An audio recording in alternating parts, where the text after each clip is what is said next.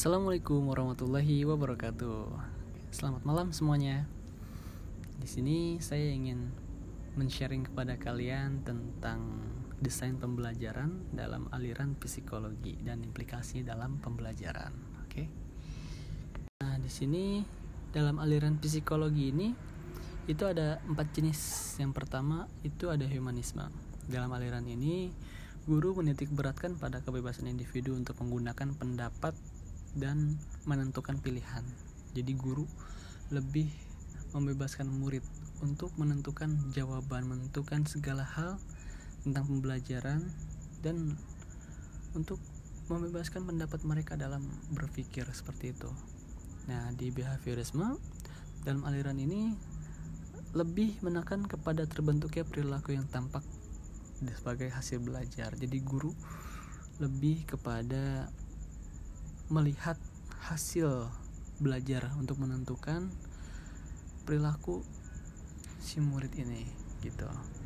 Dan dalam kognitivisme dalam aliran ini perkembangan kognitif ditentukan oleh manipulasi dan keaktifan siswa tersebut.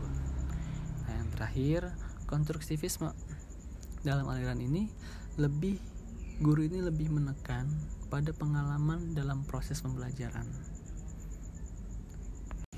Selanjutnya, saya akan menerangkan tentang implikasi-implikasi dalam pembelajaran dalam aliran psikologi ini. Nah, di implikasi dalam pembelajaran ini terdapat 12 prinsip. Yang prinsip yang pertama yaitu respon baru atau respon yang diberikan ketika pembelajaran. Contoh realnya dalam pendidikan yaitu pengajar bisa memberikan sebuah tes atau latihan sebagai implikasi dalam pembelajaran.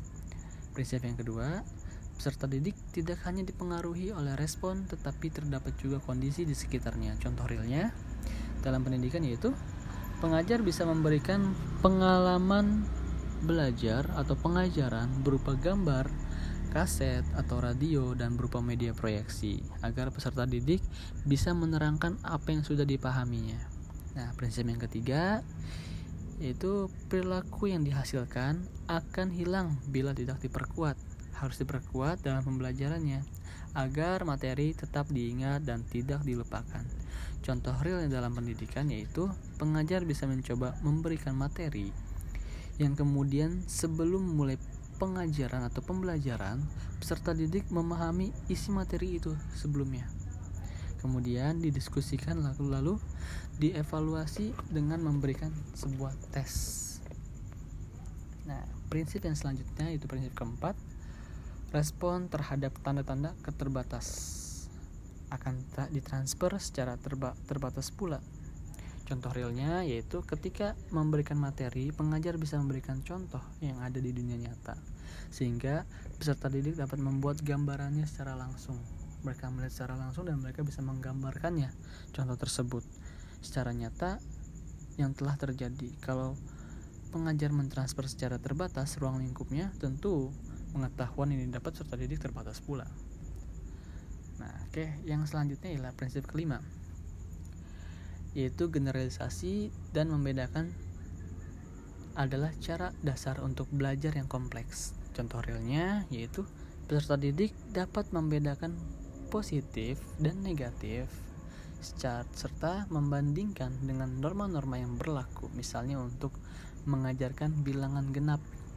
Pembelajaran mesti menjelaskan dulu yang mana bilangan genap dan yang mana bilangan ganjil. Jadi guru harus menjelaskan dulu bagaimana sih bilangan genap itu dan bagaimana sih bilangan ganjil itu seperti itu Nah, yang selanjutnya prinsip keenam yaitu status mental menghadapi pembelajaran akan mempengaruhi ketekunan peserta didik selama proses belajar. Pentingnya menarik perhatian peserta didik agar dapat mempelajari isi pembelajaran atau isi pengajaran dengan baik. Contoh realnya, pengajar bisa memberikan gambar atau pendahuluan terlebih dahulu agar peserta didik memiliki gambar tentang materi. Jadi, sebelum guru mengajar, si guru ini tuh harus memberikan sebuah pendahuluan atau bisa dibilang sebagai uh, al mukodimah jadi guru memberikan gambaran terkait materi yang akan dijelaskan seperti itu.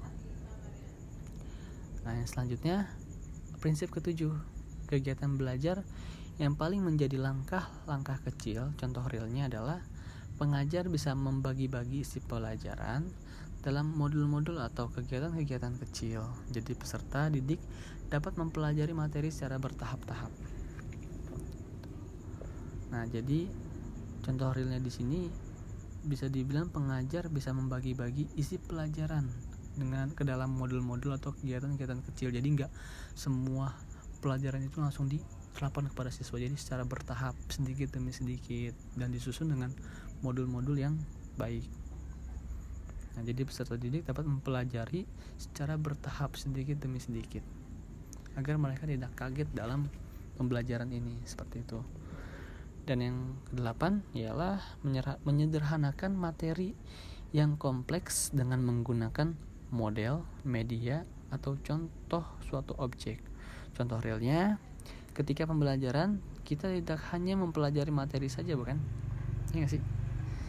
Jadi perlu adanya praktek. Misalnya ketika kita ingin belajar tentang menanam tumbuhan tentunya tidak hanya tentang bagaimana cara menanam tumbuhan tetapi perlu praktek di dalamnya. Jadi kita tuh ketika belajar harus bukannya harus juga sih emang emang harus ada benar-benar emang harus ada prakteknya seperti itu. Kayak contoh pelajaran IPA pelajaran IPA tentang menyetek tanaman atau e, menanam tanaman yang ingin kita tanam itu harus harus ada prakteknya bagaimana cara menanam bagaimana cara memupuknya dan lain-lainnya. Jadi ketika kita belajar sesuatu dan itu harus butuh praktik dan harus kita laksanakan prakteknya agar siswa bisa lebih paham bagaimana cara pembelajaran ini berlangsung bagaimana prakteknya bagaimana caranya seperti itu.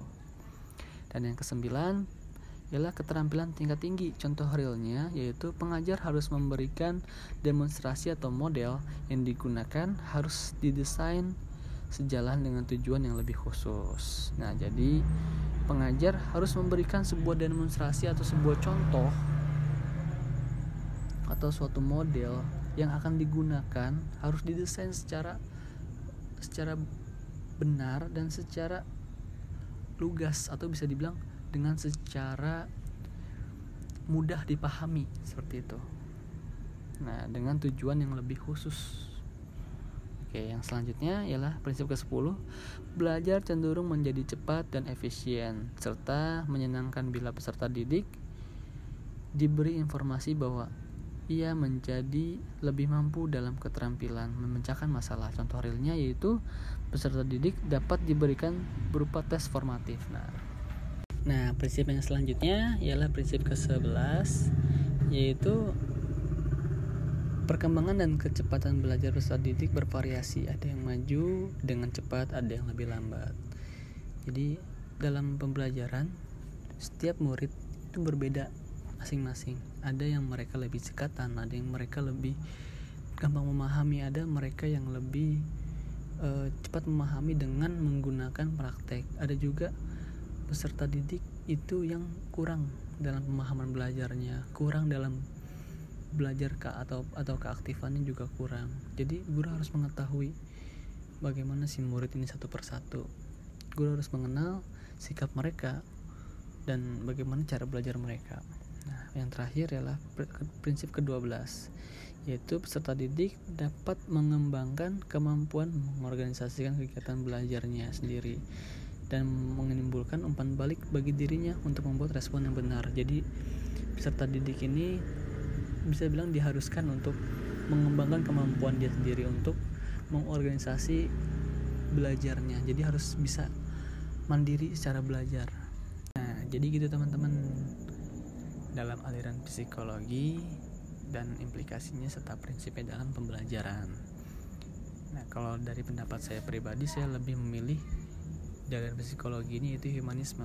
Kenapa? Karena dalam aliran humanisme ini guru lebih menitik beratkan kepada kebebasan siswa dalam dalam berpendapat atau dalam belajarnya. Jadi gurunya sebagai fasilitator dan siswa yang mencari atau menentukan jawaban dari apa yang guru paparkan. Jadi guru hanya memberikan pertanyaan, misalnya bagaimana burung itu terbang.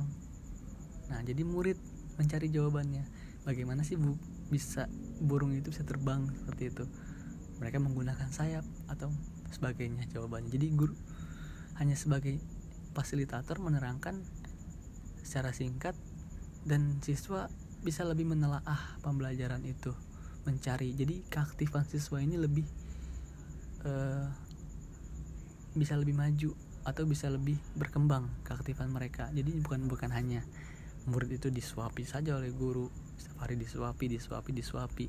Nah jadi dalam aliran psikologi di humanisme ini murid bisa lebih mencari mereka lebih aktif dan mereka bisa memahami secara luas gitu apa yang telah guru sampaikan. Seperti itu. Oke teman-teman terima kasih buat yang udah ngedengerin podcast saya pada malam hari ini. Apabila ada salah-salah kata atau salah pengucapan mohon maaf karena saya juga masih dalam tahap pembelajaran. Semoga ilmu yang disampaikan bisa bermanfaat untuk kalian. Oke thank you semuanya. Wassalamualaikum warahmatullahi wabarakatuh